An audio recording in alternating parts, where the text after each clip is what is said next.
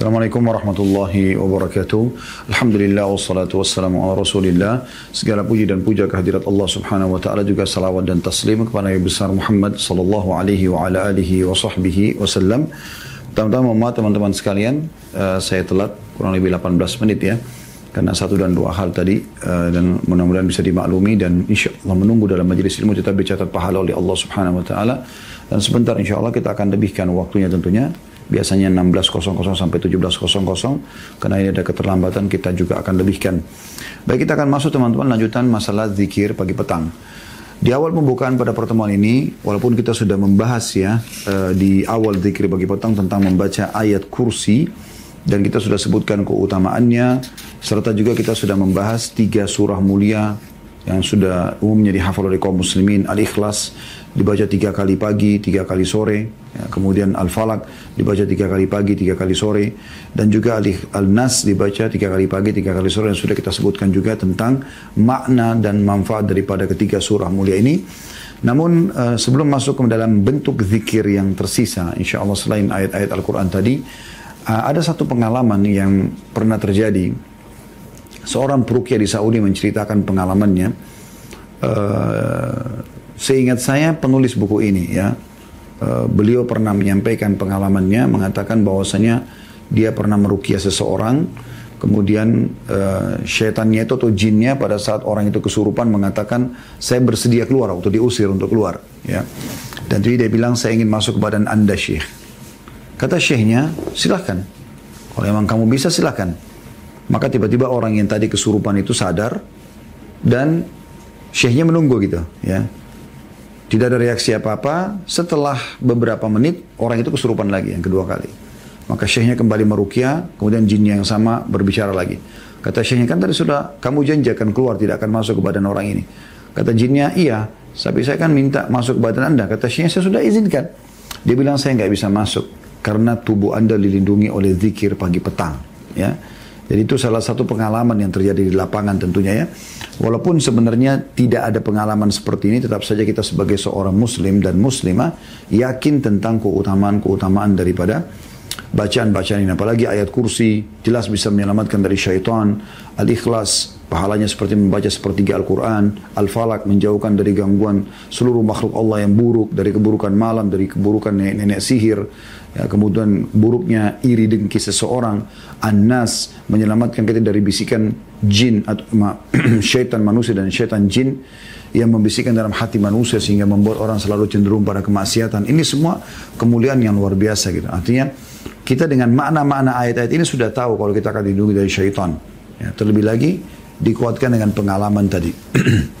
kita akan masuk teman-teman sekalian bagian-bagian bukunya di halaman 77 Zikir setelah membaca tiga surah pendek Al-Ikhlas, Al-Falaq, An-Nas adalah Asbahna wa asbahal mulku lillah walhamdulillah la ilaha illallah wahdahu la sharika lah lahul mulku wa lahul hamdu wa huwa ala kulli syai'in qadir Rabbi as'aluka khaira ma fi hadzal yaumi wa khaira ma ba'dahu وأعوذ بك من شر ما في هذا اليوم وشر ما بعده ربي أعوذ بك من الكسل وسوء الكبر وربي أعوذ بك من عذاب في النار وعذاب في القبر yang artinya kami telah memasuki waktu pagi dan kerajaan hanya milik Allah ya di situ ada footnote nomor 96 kalau pagi kita membaca asbahna wa asbahal mulku lillah ya kalau di sini sore dikatakan kita baca amsaina wa amsa mulkulillah. Karena asbahna artinya kami tiba di pagi hari. Kalau amsaina kami tiba di sore hari. Kan kita dianjurkan baca di pagi dan sore hari. Ya. Baik. Kami telah masuk, kami telah memasuki waktu pagi dan kerajaan hanya milik Allah. Begitu juga kalau sore artinya kami telah memasuki sore hari dan kerajaan hanya milik Allah. Ini potongan pertama yang perlu kita syarah atau jelaskan dan kita akan terus menjelaskan makna daripada uh, doa ini. Teman-teman sekalian ini pengikraran tentang bahwasanya kerajaan hanya milik Allah. Dan ini menafikan semua kerajaan-kerajaan selain kerajaan Allah yang disangka oleh sebagian orang dengan adanya dewa-dewa di langit sana. Ada dewa ini, ada dewa itu yang dianggap semuanya Tuhan. ya. Dan bagi kaum muslimin tidak ada. Karena konsep dasarnya la ilaha illallah. Artinya la ma'budu bihaqqin illallah. Tidak ada Tuhan, pemilik, pencipta, penguasa yang menghidupkan, yang mematikan, yang menggantikan siang malam, menurunkan hujan dari langit kecuali Allah. Ya, Allah lah salah satunya Tuhan dan Dia Maha Esa. Ya, kita sudah jelaskan di makna kul Allahu ahad. Kul huwallahu ahad. Katakan, ikrarkan Tuhan itu Allah ahad, Esa. Enggak ada yang bersamanya Tuhan lain. Dan Allah mengatakan dalam ayat lain, "Lau kana fihi ma'alihatun illallah la fasadata."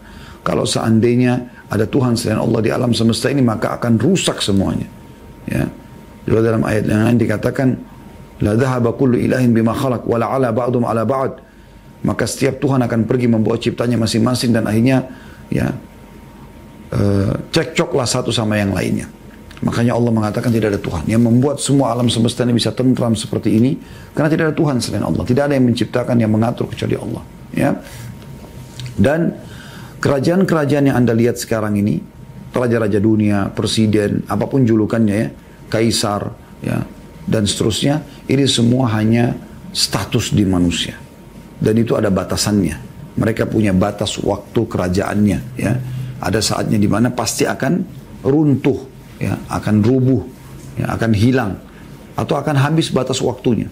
Kalaupun tidak runtuh kerajaannya. Sebagaimana kita tahu di masa sekarang kepresidenan ada periodenya ya, lima tahun, 10 tahun gitu kan. Atau uh, lima tahun kemudian ada pemilihan ulang, jadi dua periode maka selesai gitu kan. Tapi kerajaan Allah SWT kekal, abadi selamanya. Sudah ada sebelumnya dan tidak akan pernah ada akhirnya. Gitu kan? Dan Allah subhanahu wa ta'ala telah memberikan kerajaan yang terbesar bagi hambanya di muka bumi adalah kerajaan Sulaiman alaihissalam. Karena dia diberikan kerajaan yang tidak layak untuk orang sebelumnya dan orang sesudahnya.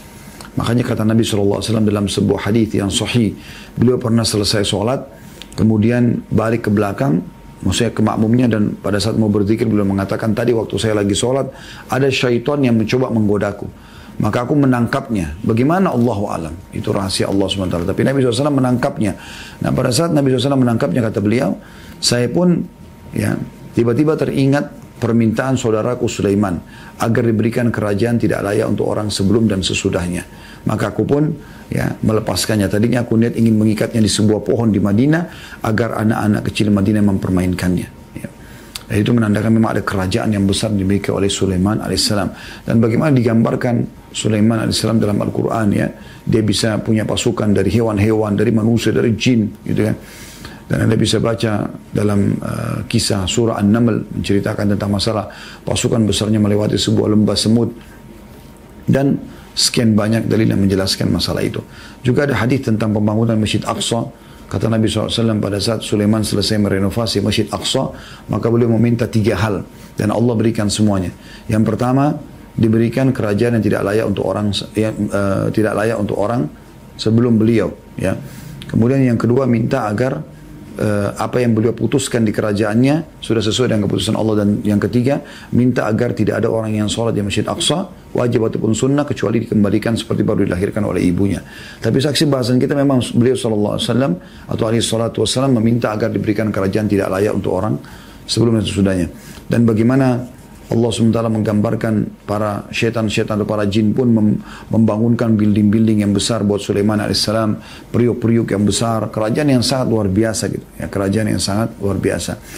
Nah itu semua teman-teman sekalian gambaran kecil tentang masalah kerajaan-kerajaan manusia. Dan ini semua akan punah. Sebagaimana dikatakan dalam sebuah riwayat yang sahih, nanti pada saat Allah sudah menghancurkan uh, dunia ini, ya, karena tiupan sangkakala yang pertama, semuanya hancur yang di langit dan di bumi kecuali yang Allah izinkan. Di bumi ini semuanya habis. Tidak ada lagi yang hidup. Habis semua kerajaan, bangunan-bangunan, manusia semua mati, jin semua mati, hewan semua mati. Maka Allah pun yang maha perkasa mengatakan, Anal malik, anal malik, aina mulukud dunia. Akulah raja sebenarnya, akulah raja sebenarnya, maka mana raja-raja dunia. Ya, jadi raja yang sebenarnya adalah Allah subhanahu wa ta'ala. Dan kita sekarang berada di dalam kerajaannya Allah yang kita wajib patuh kepadanya. Nah ini poin yang berhubungan dulu. Uh, poin pertama atau potongan pertama dari doa ini yang kita bisa ambil. Sisi yang lain yang kita bisa pahami dari makna ini adalah kalau seseorang menanamkan dalam dirinya di pagi dan sore hari, kalau ternyata dia di bawah kerajaan Allah, ada raja yang sebenarnya, gitu kan? Di sini dikatakan kami telah memasuki waktu pagi. Kalau sore kami telah memasuki sore hari. Dan kerajaan hanya milik Allah. Artinya apa? Dia tidak akan pernah takut, tidak akan pernah bergantung, ya, tidak akan pernah tunduk kecuali kepada Allah Subhanahu Wa Taala.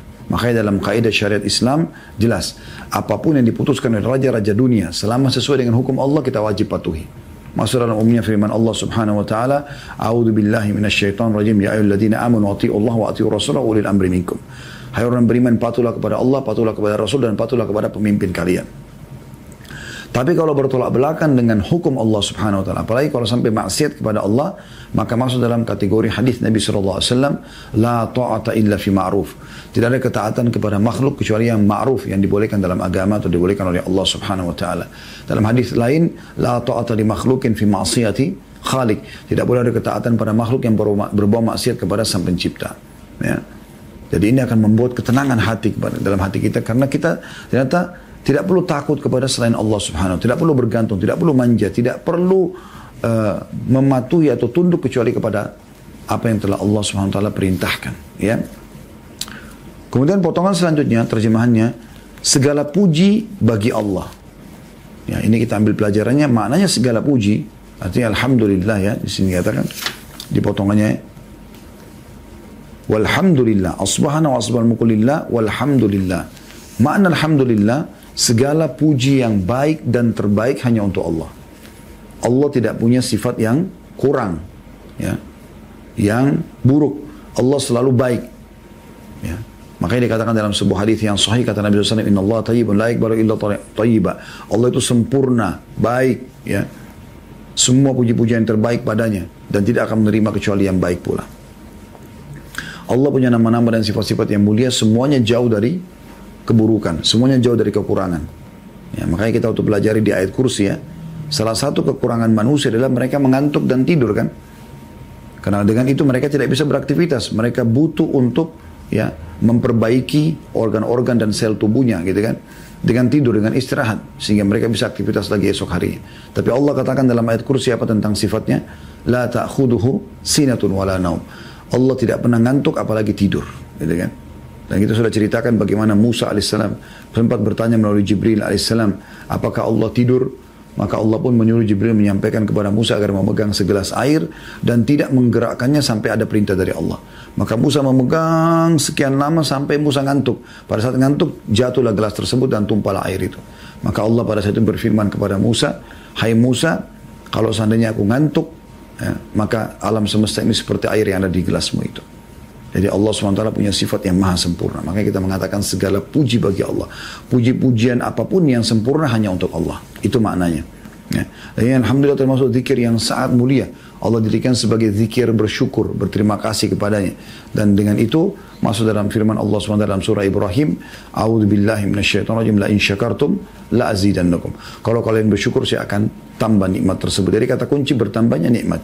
Jadi di sini kita sudah mengakui kerajaan Allah, kita pun bersyukur kepada Allah ya sehingga nikmat-nikmat akan tetap dipertahankan dan diberikan oleh Allah Subhanahu wa taala.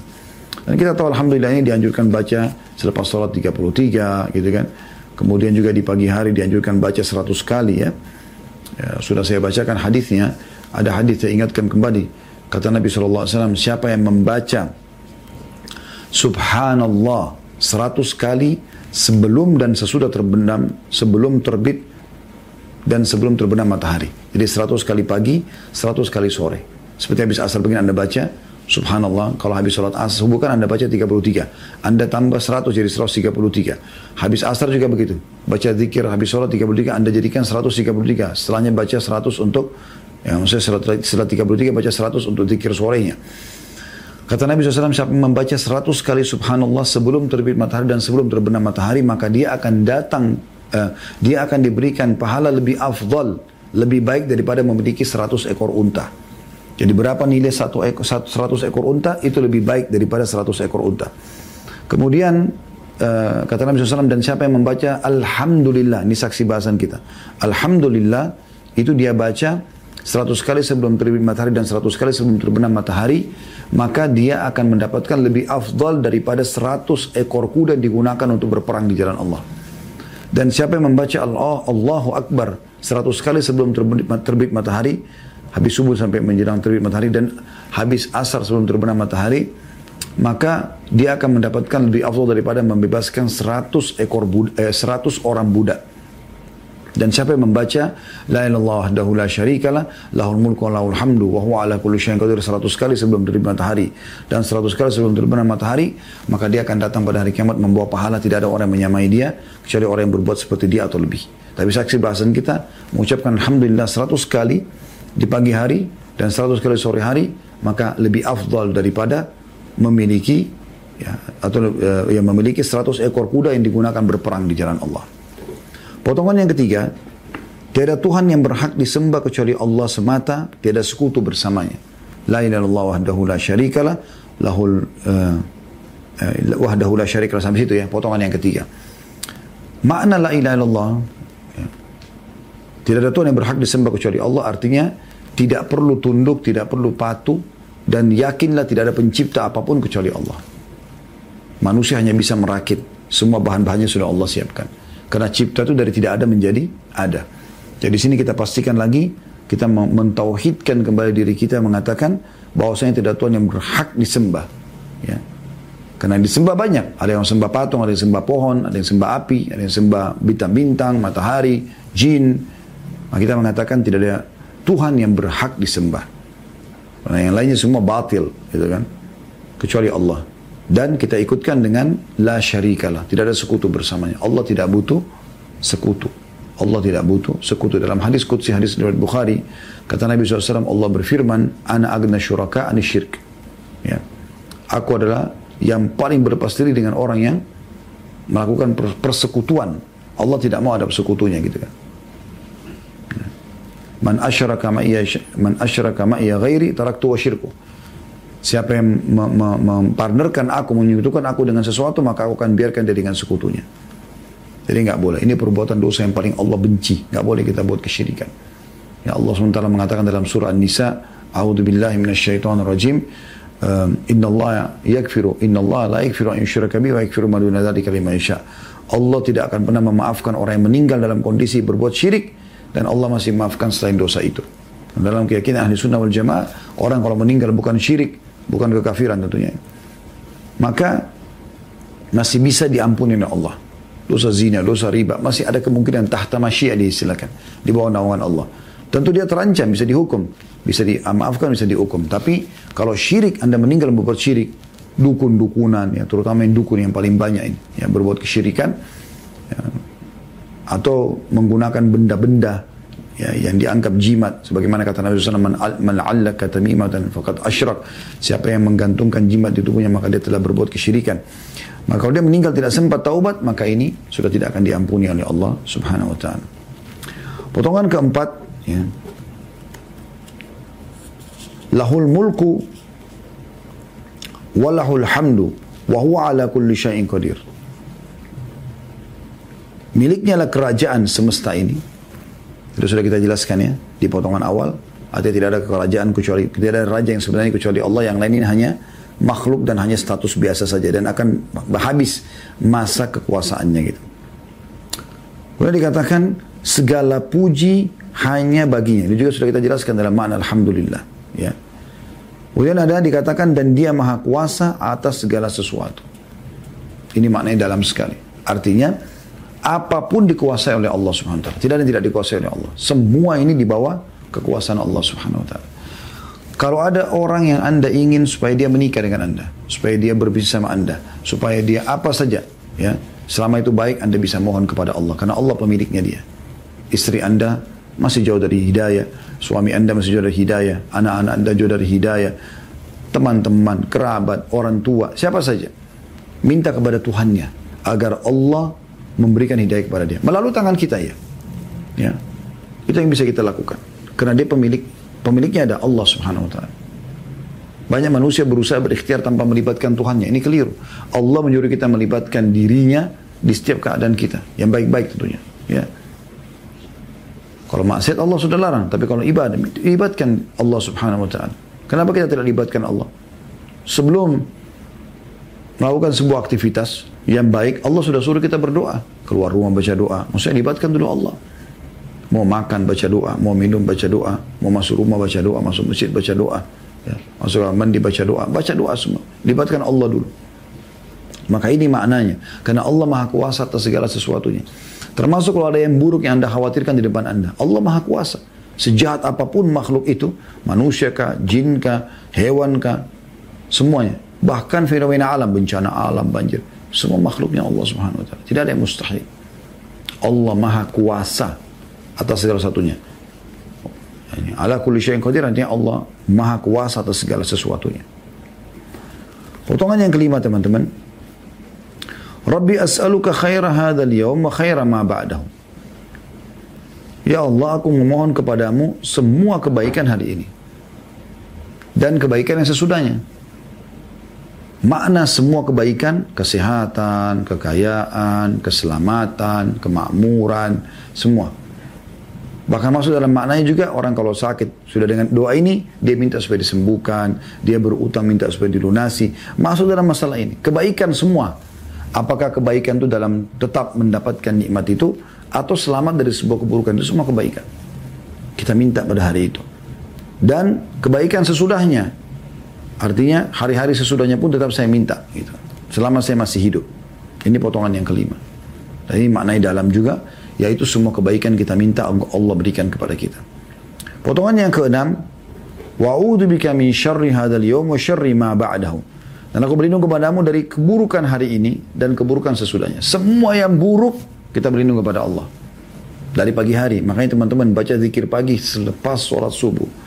Baca zikir sore selepas sholat asar. Supaya apa pun yang kita butuhkan. Kalau kita zikir pagi sampai menjelang sore sudah terpenuhi. Kebaikan semua kita dapatkan, keburukan semua kita terlindungi. Kan begitu. Jangan baca nanti sudah mau duhur, sudah mau asar. Walaupun ini masih bisa. Tapi lebih baik Anda baca di pagi hari. Kalau pagi hari Anda dapatkan keutamaannya dan dapat juga manfaat dari doa itu. Tapi kalau Anda baca sore hari, anda cuma dapat keutamannya. Manfaatnya mungkin sudah lewat. Seperti misalnya dia minta kebaikan hari itu. Sudah masuk sore hari. Dia harus baca zikir sore lagi kan gitu. Maka ini hal juga yang perlu difarisbawahi. Ini penting untuk kita minta jauhkan dari semua keburukan. Begitu juga dengan keburukan sesudahnya. Keburukan apa pun itu. Kita berlindung kepada Allah SWT dari semua keburukan. Potongan yang ketujuh teman-teman sekalian. Rabbi a'udhu bika minal kasal. Ya. Ini potongan ketujuh. Ya Allah, aku berlindung kepadamu dari sifat malas. Ya. Dan ini penyakit jiwa yang tidak boleh ada dalam jiwa seorang mukmin dan mukminah. Kita nggak boleh malas. Ya.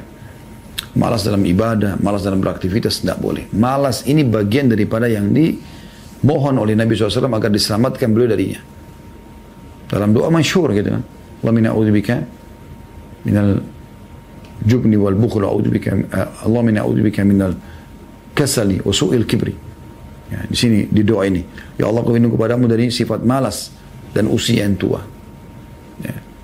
Dan bagaimana Islam dikenal sebagai agama yang bergerak, agama yang menolak semua sifat eh, menunda-nunda pekerjaan. Malas lah intinya, nggak boleh malas. Islam tidak mengenal itu, bergerak sendiri, beraktivitas, Darurat butuh bantuan orang, minta orang, tapi kita bergerak. Ya, ini nggak boleh ada dalam sifat seorang mukmin. Orang mukmin selalu bergerak. Ya, saking besarnya motivasi dalam Islam sampai kata Nabi SAW, kalau di tangan kalian ada sebib, di tangan salah seorang dari kalian ada bibit tanaman dan dia tahu besok terjadi kiamat, tanamkanlah, tetap tancapkan karena optimis. Ya. Dan bagaimana itu menandakan kita tepis semua sifat malas untuk menunda-nunda pekerjaan. Kayaknya sudah terlambat, kayaknya sudah begini. Ini nggak ada kata terlambat. Saya dulu melihat sendiri di depan mata saya teman saya namanya Abu Bakar, ya, orang dari Senegal, kulit hitam, orang dari Afrika. Masya Allah dia selesaikan sampai S3-nya di Madinah gitu. Teman dekat saya, kebetulan satu kelas sama saya untuk dari S1, ya. Maka di S1-nya itu eh, dia termasuk mahasiswa yang paling telat datang. Mungkin kuliah sudah berjalan dua bulanan sepertinya. Dia baru datang dari negaranya gitu. Tapi saya lihat dengan depan mata kepala sendiri, dia dari awal datang, teman-teman sekalian, baru masuk kelas, tidak pakai kenalan sama kami, karena pas dia masuk ada dosen gitu. Dia udah bawa buku kertas, tulis satu dan dengan pulpen. Lalu kemudian apa yang dosen bilang ditulis sama dia. Saya masih ingat betul, dikenal dengan Abu Bakar Senegal gitu, dari Senegal, beliau dari Afrika. Masya Allah. Dia tidak mengatakan, oh saya sudah terlambat nih, sudah dua bulan. Nah, dia nggak peduli dengan itu. Sekarang ke depan. Nanti kemudian yang dua bulan itu dia pelajari setelah dia pulang ke rumah, ke, ke asrama. Itu luar biasa. Dan dengan rajinnya dia itu akhirnya dia jadi mahasiswa prestasi di kelas. Walaupun dia sudah telat dua bulan. Dua bulan itu bukan waktu sedikit. Kita tiap hari kuliah. Satu, satu pekan lima hari. Waktu itu kami libur Kamis dan Jumat gitu kan. Jadi mulai dari uh, Sabtu, Ahad, Senin, Selasa, Rabu itu lima hari kita kuliah. Di Saudi waktu itu liburnya, waktu kami ya, di angkatan kami itu, liburnya Kamis dan Jumat. Sekarang kalau salah ada perubahan sedikit. Tapi yang jelas, saya lihat orang ini, cuma dia pulang, lalu dia ikutin apa yang tertinggal dua bulan itu tersebut. Lalu kemudian dia minggu depan, minggu depan, beberapa pekan ke depan itu dia sudah bisa ikutin semua pelajaran. Dan uniknya, pernah satu kali, pas kami mau ujian akidah waktu itu, ada ada syair yang sempat saya hafal waktu itu tentang syarat la ilaha illallah. Ya. Sabatun kad kujidat Wafi hakun waradat Ada cukup panjang syairnya Mungkin sampai 7-8 bait itu kan Berbaris. Intinya teman-teman sekalian Saya pas berdiri depan fakultas kami Fakultas dakwah Abu Bakar datang Tegur saya gitu Sapa saya. Setelah salam dia bilang Khalid Ada lagi nggak yang bisa kau tambahkan ke saya ini? Mau ujian nih. Sebentar lagi masuk kelas nih. Sebentar lagi masuk kelas. Kemudian saya katakan Apa kau sudah hafal syair ini? Dia bilang belum. Saya bilang coba hafal. Subhanallah dia berdiri di situ. Mungkin cuman 3-4 menit. Saya ucebutin dia dia hafal. Pada saat masuk kelas betul-betul keluar. Dan itu nilainya 15. Ya, besar sekali nilainya gitu. Uh, nilai daripada syair itu. Saya ingat saya itu antara 7 sampai 15 tapi ada nilainya tinggi.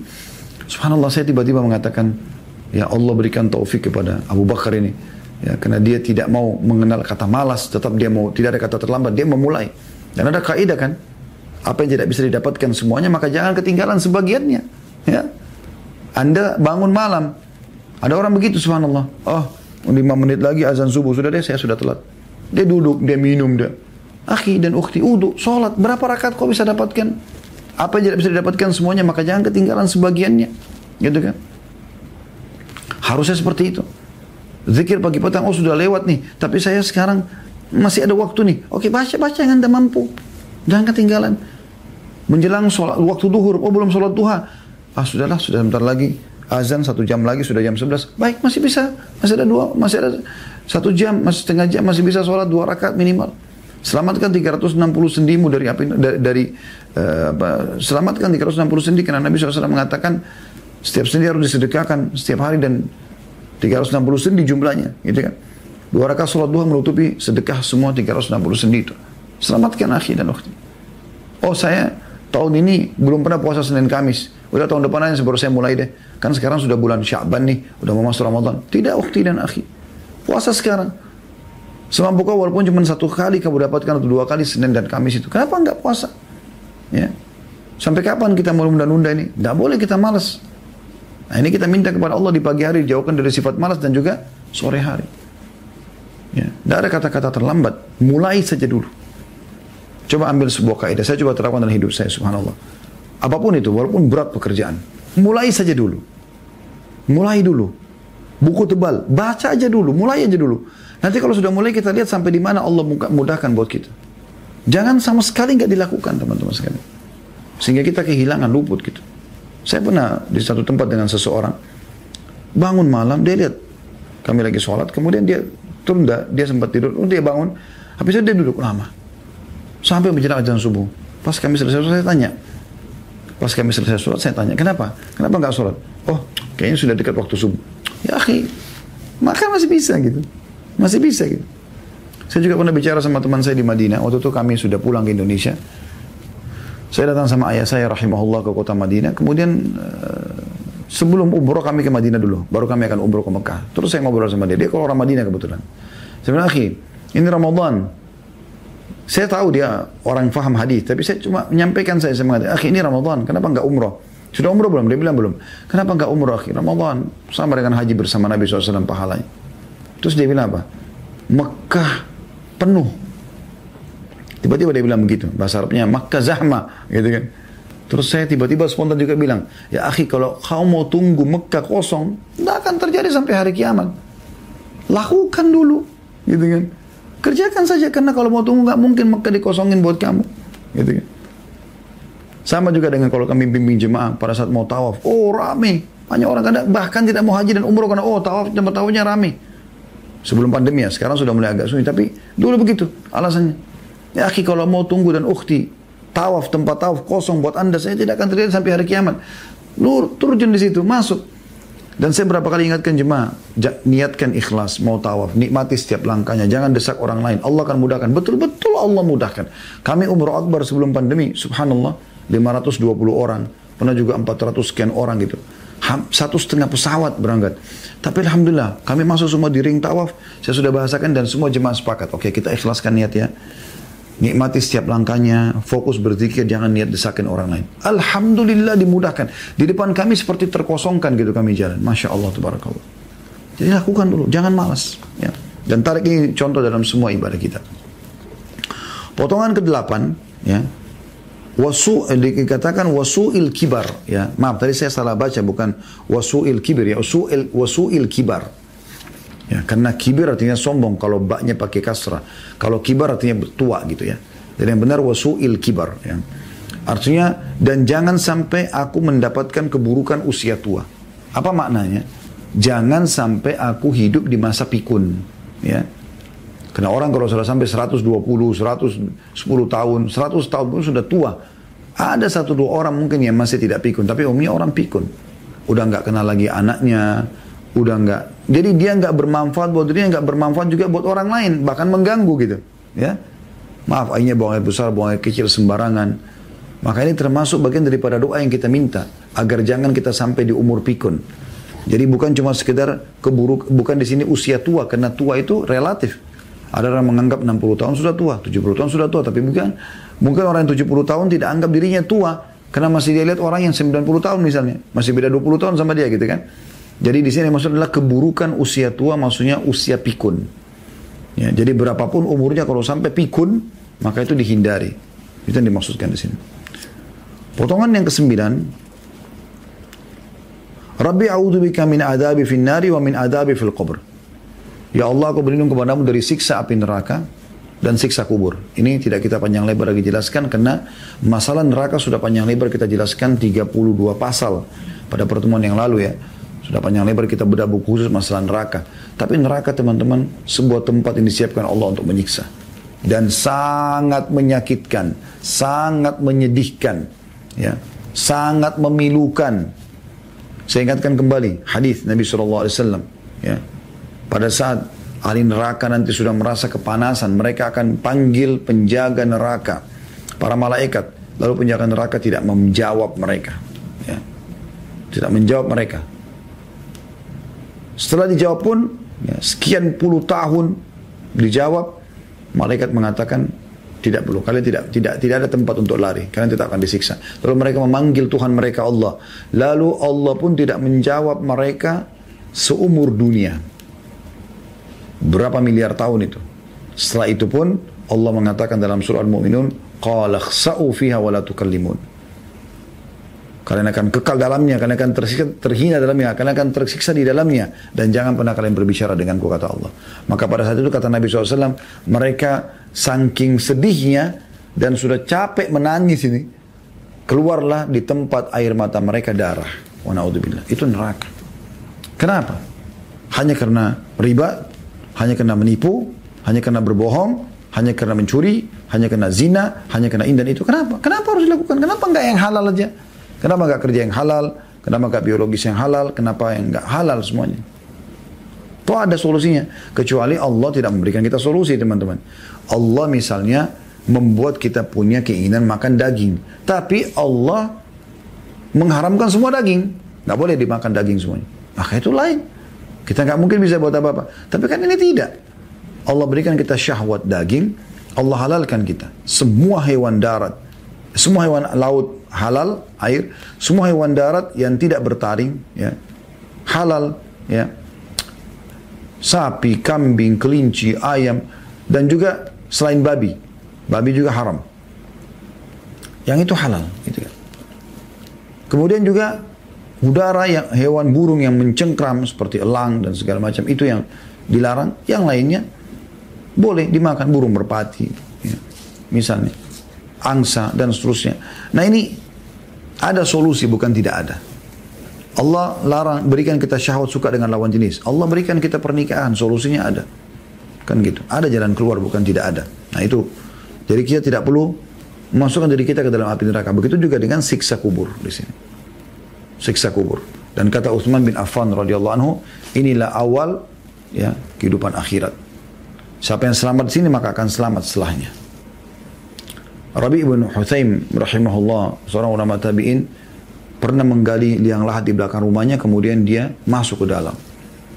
Setiap hari beliau masuk. Kemudian beliau selalu membaca firman Allah subhanahu wa ta'ala. Itu kan. Qala rabbi rji'un la'alli a'malu salim fima tarakt. Nanti orang-orang yang meninggal dalam keadaan kafir, maksiat, kurang ibadahnya, dia akan mengatakan, Ya Allah kembalikanlah aku ke dunia. Ya agar aku bisa berbuat amal soleh yang dulu aku selain daripada apa yang dulu aku kerjakan. Tapi sudah tidak ada manfaatnya maka dia mengatakan wahai Rabbi ya, ya ya perbanyaklah ibadah, paksakan dirimu ibadah sebelum datang waktu penyesalan. Maka dengan itu beliau tidak pernah ketinggalan ibadah-ibadah yang mulia, ya. Kemudian ada di footnote juga di situ, perlu kita lihat di bawah ya. Ada footnote nomor 96 tadi sudah saya bacakan. Kalau pagi kita bilang asbahana wa asbahan mulkulillah, ya, kami tiba di pagi hari bersamaan dengan kerajaan hanya milik Allah. Dan kalau sore amsena wa amsal mulkulillah, kami tiba sore hari dan kerajaan hanya milik Allah. Ada juga tambahan di bawah, kan kita bilang tadi, Rabbi as'aluka khaira hadal yawm. Kalau pagi ya, ya Allah aku minta kebaikan hari ini, wa khaira ma dan kebaikan sesudahnya. Wa a'udzubika min syarri hadzal yawm dan aku berlindung kepadamu dari keburukan hari ini, wa syarri ma ba'da dan keburukan setelahnya. Nah, kalau sore kita ganti. Ini ada footnote ya di bawah footnote nomor 97. Bila sore dia membaca Rabbi as'aluka khaira ma fi hadhihi laila wa khaira ma ba'daha. Dia diganti ya. Yaum menjadi laila karena yaum diartikan dengan siang hari ya. Sementara laila adalah malam hari. Ya Allah aku mohon kepadamu kebaikan yang ada pada malam ini dan kebaikan yang ada sesudahnya wa a'udzubika min syarri ma fi hadhihi laila wa syarri ma ba'daha. Dan aku berlindung, berlindung kepadamu dari keburukan malam ini dan keburukan yang ada setelahnya. Hadis ini diriwayatkan Imam Muslim jadi 4 halaman 2088. Kita masuk setelahnya teman-teman sekalian zikir yang kedua pada sore ini Allahumma bika asbahna wa bika amsayna wa bika nahya wa bika namutu wa ilaikan nusyur. Artinya, Ya Allah, Allahumma, bika asbahna, dengan nikmat dan pertolonganmu lah kami masuki pagi hari ini. Ini potongan pertama dari doa dan langsung kita masuk kepada syarah atau penjelasannya. Artinya, kita betul-betul mengakui semua yang membuat kita bisa bergerak pada pagi itu. Semuanya. Urat-urat saraf kita berfungsi, anggota tubuh kita berfungsi, mata bisa melihat, telinga mendengar, segala macam ini, itu adalah nikmat dari Allah subhanahu wa ta'ala. Maka kita mengatakan, Ya Allah, nikmat dan pertolonganmu lah yang membuat kami bisa masuki pagi ini. Ya, ini mengikrarkan tentang nikmat Allah subhanahu wa ta'ala kepada kita. Wabika amsayna dan juga dengan nikmat dan pertolonganmu pun kami akan memasuki sore hari. Ini potongan yang kedua. Jadi pagi kita minta mengakui bahwasanya nikmat Allah yang membuat kita bisa bergerak seperti ini aktivitas. Dan yang kedua adalah sore hari pun sama. Dan ini menandakan memang pagi dan sore berbeda waktunya ya. Sebagaimana juga Nabi SAW mengatakan sesungguhnya malaikat sip-sipan ya. Malaikat pagi sampai sore, sore sampai pagi lagi gitu kan. Mereka uh, saling bergantian. Kemudian potongan yang ketiga wabika nahya dan dengan nikmat dan pertolongan kami bisa hidup. Nah, kalau bukan Allah kita tidak akan bisa hidup. Berarti hidup pun sebuah nikmat yang luar biasa yang Allah berikan untuk digunakan dalam ketaatan kembali kepada surah Az-Zariyat. Ya. Sehingga saya surah nomor 52 ayat 56 ya. A'udzu billahi minasyaitonir rajim wa khalaqtul jinna wal insa illa liya'budun. Aku tidak ciptakan jin dan manusia kecuali untuk beribadah kepadaku. Itu target utama. Tidak ada tujuan lain kita di muka bumi ini kecuali ibadah. Ibadah tunduk, patuh kepada semua apa Allah perintahkan. Apa yang Allah perintahkan, apa yang Allah cintai, kita lakukan. Apa yang Allah larang, kita jauhi. Potongan keempat, wabika namutu. Dan dengan pertolongan dan dengan nikmat dan pertolongan mulai kami mati. Mati pun dianggap sebuah nikmat bagi orang beriman. Ya, karena orang beriman, dia akan selamat dari penatnya dunia. Sebagaimana dalam hadis Bukhari dijelaskan, pada saat ruh orang mukmin diangkat ke langit setelah dicabut oleh malaikat maut, maka banyak ya orang-orang sedang malaikat sedang membicarakan tentang dia lalu ada satu yang ada malaikat yang mengatakan biarkan dulu dia tenang karena dia baru saja ya lepas dari penatnya dunia. Gitu kan? Nah, itu sebuah nikmat. Dan itu dengan pertolongan Allah SWT. Di sini itu tidak masuk orang-orang kafir, orang musyrik, orang munafik karena mereka disiksa oleh Allah SWT. Ini hanya akan jadi nikmat kematian bagi orang-orang beriman. Kemudian yang terakhir, potongan yang keenam adalah yang kelima ya. Yang kelima, wa ilaikan nusyur. Dan kepadamu lah kami akan dikembalikan. Artinya, kepadamu kami akan kembali kepada uh, kehidupan. Maksudnya kepada apa yang kau tentukan ya Allah. Ya, makanya uh, tadi di siang hari sudah sempat kami singgung di bahasan masalah bekal menuju kepada kematian. Ada statement yang menarik dari Fudal ibn Iyad rahimahullah, seorang ulama tabi'in. Saya ingatkan kembali kalau yang ikut tadi siang ya. Kalau yang belum ikut tadi maka ini saya ingatkan. Ini sebuah statement yang menarik gitu. Fudal ibn Iyad pernah di usia tua beliau, beliau pernah bicara sama seseorang yang sebaya dengan beliau sudah 60 tahun gitu.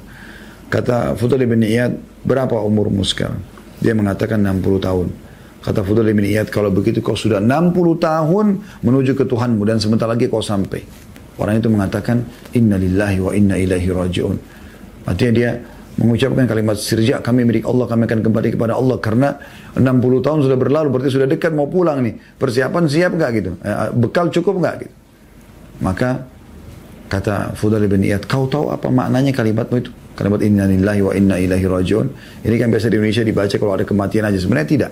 Ini setiap hal yang kita anggap musibah buat kita walaupun kecil kita mengatakan inna lillahi wa inna ilaihi rajiun maka kata dia, eh, orang itu terdiam. Kata Abdullah bin Iyad, artinya kami adalah hamba Allah dan kami akan kembali kepada Allah. Ya. Wa inna ilaihi rajiun dan kepadanya kami akan kembali. Ya kan?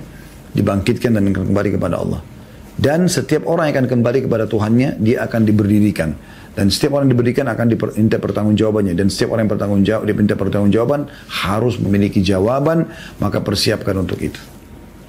Maka orang itu mengatakan, kalau begitu apa solusinya? Di antara 60 tahun ini ada dosa, ada amal. Amal pun saya tidak tahu diterima atau enggak gitu. Apa solusinya? Kata Fudhal bin sederhana.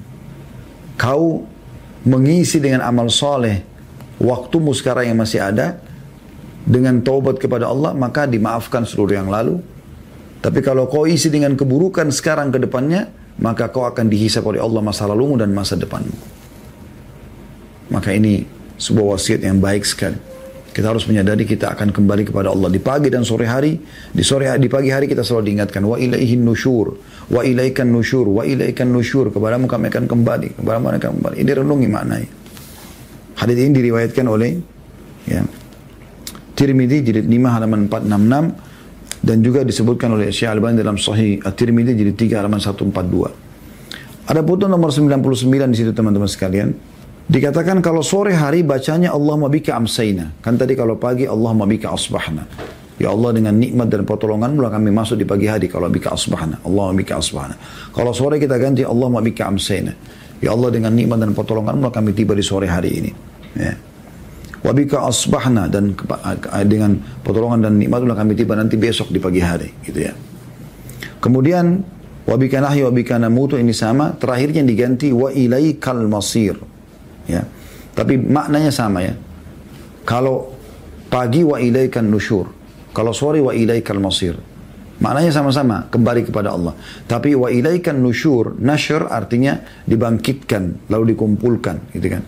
Kalau masir adalah jalan yang ditempuh. Sama. Artinya semuanya dikembalikan kepada Allah subhanahu wa ta'ala. Nah ini yang kita baca, zikir yang kedua, yang kita pelajari pada sore hari ini. Selanjutnya kita akan membaca zikir yang ketiga pada sore hari ini yaitu Sayyidul Istighfar atau tuannya istighfar. Kita semua butuh dengan istighfar dan taubat kepada Allah Subhanahu wa taala atas segala kesalahan kita. Dan ini sebuah nikmat yang besar yang Allah mudahkan kepada kita. Karena setiap orang dan kita bisa buat salah gitu kan. Tapi Allah dengan kemahamurahannya masih memberikan pintu pemaafan, membukakan pintu pemaafan dan Allah punya sifat afu, Artinya selalu memaafkan setiap kesalahan dan tidak akan pernah jenuh untuk terus memaafkan gitu. Kemudian juga uh, dalam dalam uh, sifat Allah yang lain gafur ya yang meleburkan, menghabiskan semua kesalahan-kesalahan. Gitu.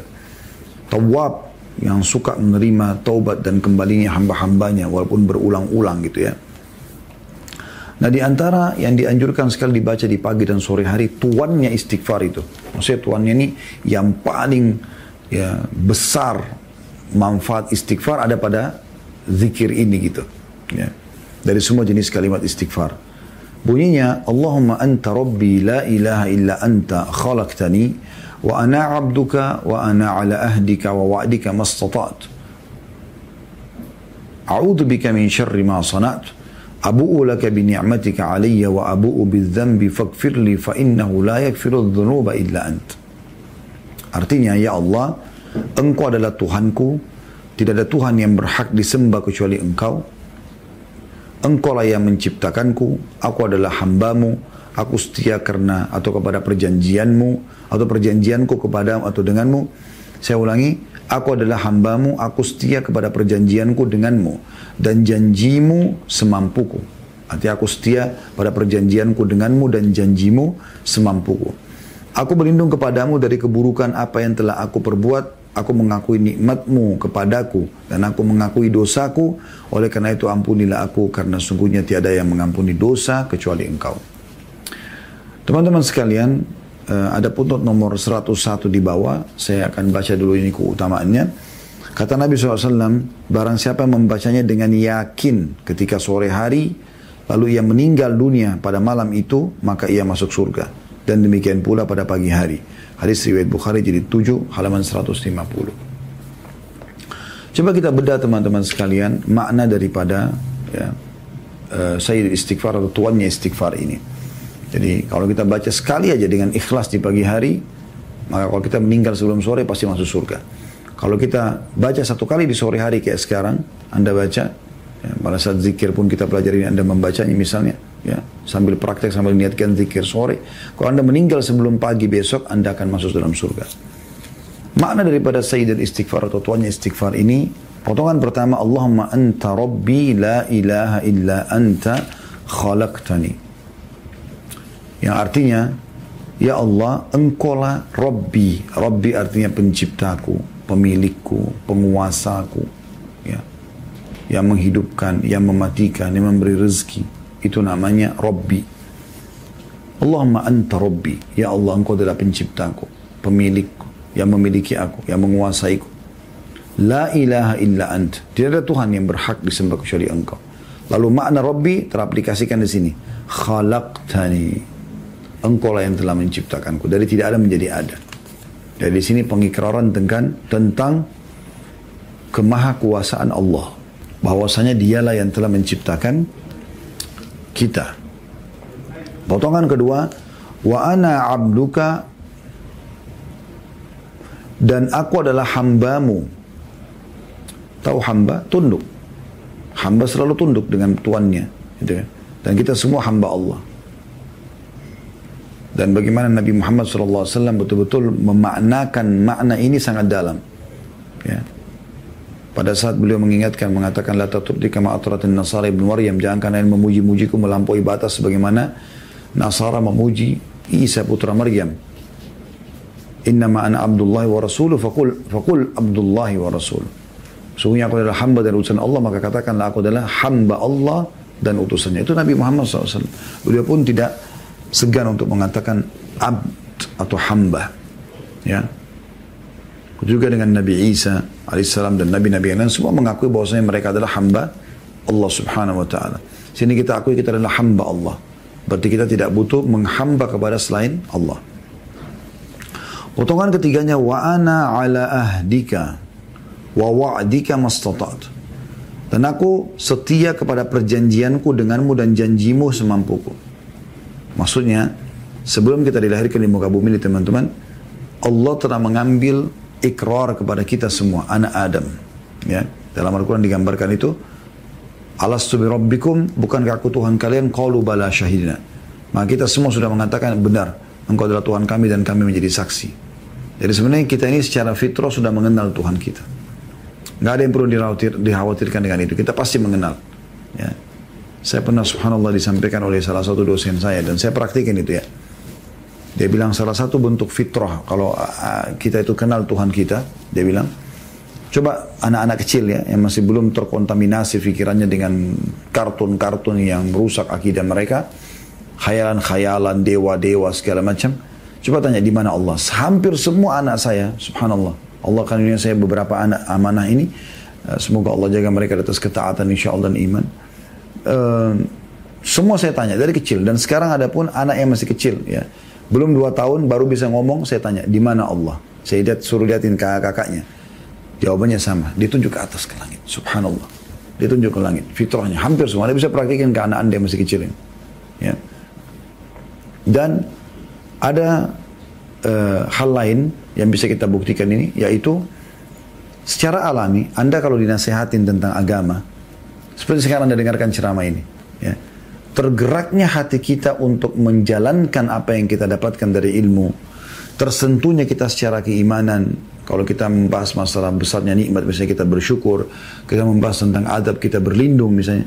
Ini teman-teman sekalian, ya, menandakan secara fitrah kita mengenal Tuhan kita, bukan tidak mengenal. Kita mengenal Allah Subhanahu wa taala. Itu yang dimaksud sini. Jadi kita sebenarnya punya perjanjian dengan Allah.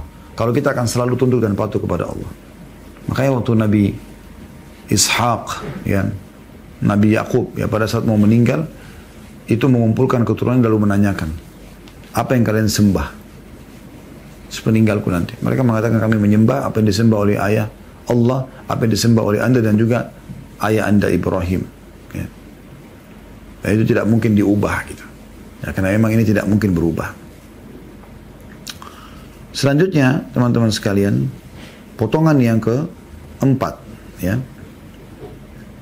A'udzu bika min syarri ma sanatu. Aku berlindung kepadamu dari keburukan apa yang telah aku perbuat. Karena kan kita kalau berbuat satu kesalahan pasti ada efek buruknya. Maka kita khawatir dengan efek buruk itu.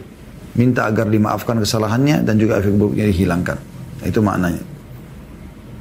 Yang kelima, Abu ulaka bi ni'matika aliyya. Aku mengakui nikmatmu kepadaku dan ini salah satu juga poin rahasia teman-teman kenapa Orang kalau baca dengan ikhlas, dia kalau mati masuk surga. Karena dia mengakui semua ini. Dia mentauhidkan Allah, ya Allah sungguhnya engkau adalah Tuhanku, tidak ada Tuhan yang berhak disembah kecuali engkau. Ini potongan pertama. Potongan kedua kita mengatakan, ya, eh, engkau, eh, potongan pertama ya, ya Allah, engkau adalah Tuhanku dan tidak Tuhan yang berhak disembah kecuali engkau, engkau lah yang menciptakanku. Potongan kedua, aku adalah hambamu. Ikrar semua ini. Yang ketiga, aku setia kepada perjanjianku denganmu dan janjimu semampuku mengejar surga semampunya, meninggalkan neraka semampunya. Yang keempat, aku berlindung kepadamu dari keburukan apa yang telah aku perbuat. Aku berlindung kepadamu dari keburukan yang telah aku perbuat. Ya. Artinya semua efek-efeknya gitu. Kemudian di sini kita masuk yang kelima, aku mengakui nikmatmu kepadaku. Semua apa pun yang aku rasakan dari nikmat ini dari engkau ya Allah. Tidak ada dari yang lain. Potongan keenam, wa abu'u bidzambi, wa abu bidzambi fakfirli. Dan aku mengakui dosa-dosaku. Salah satu yang memudahkan orang dimaafkan kenapa? Kalau dia mengaku kan, dia buat pengakuan.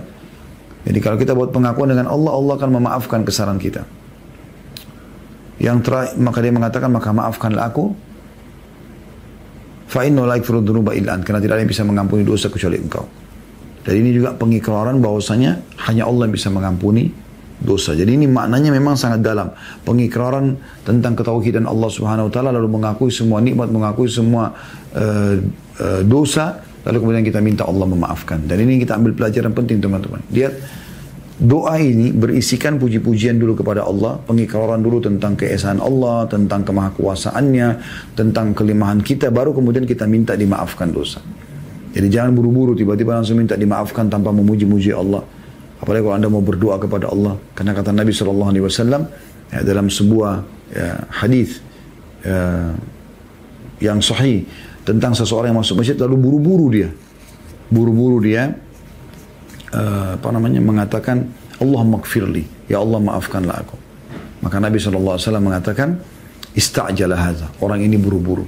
Harusnya dia memuji Allah dulu, lalu membaca salat padaku, kemudian dia sampaikan hajatnya.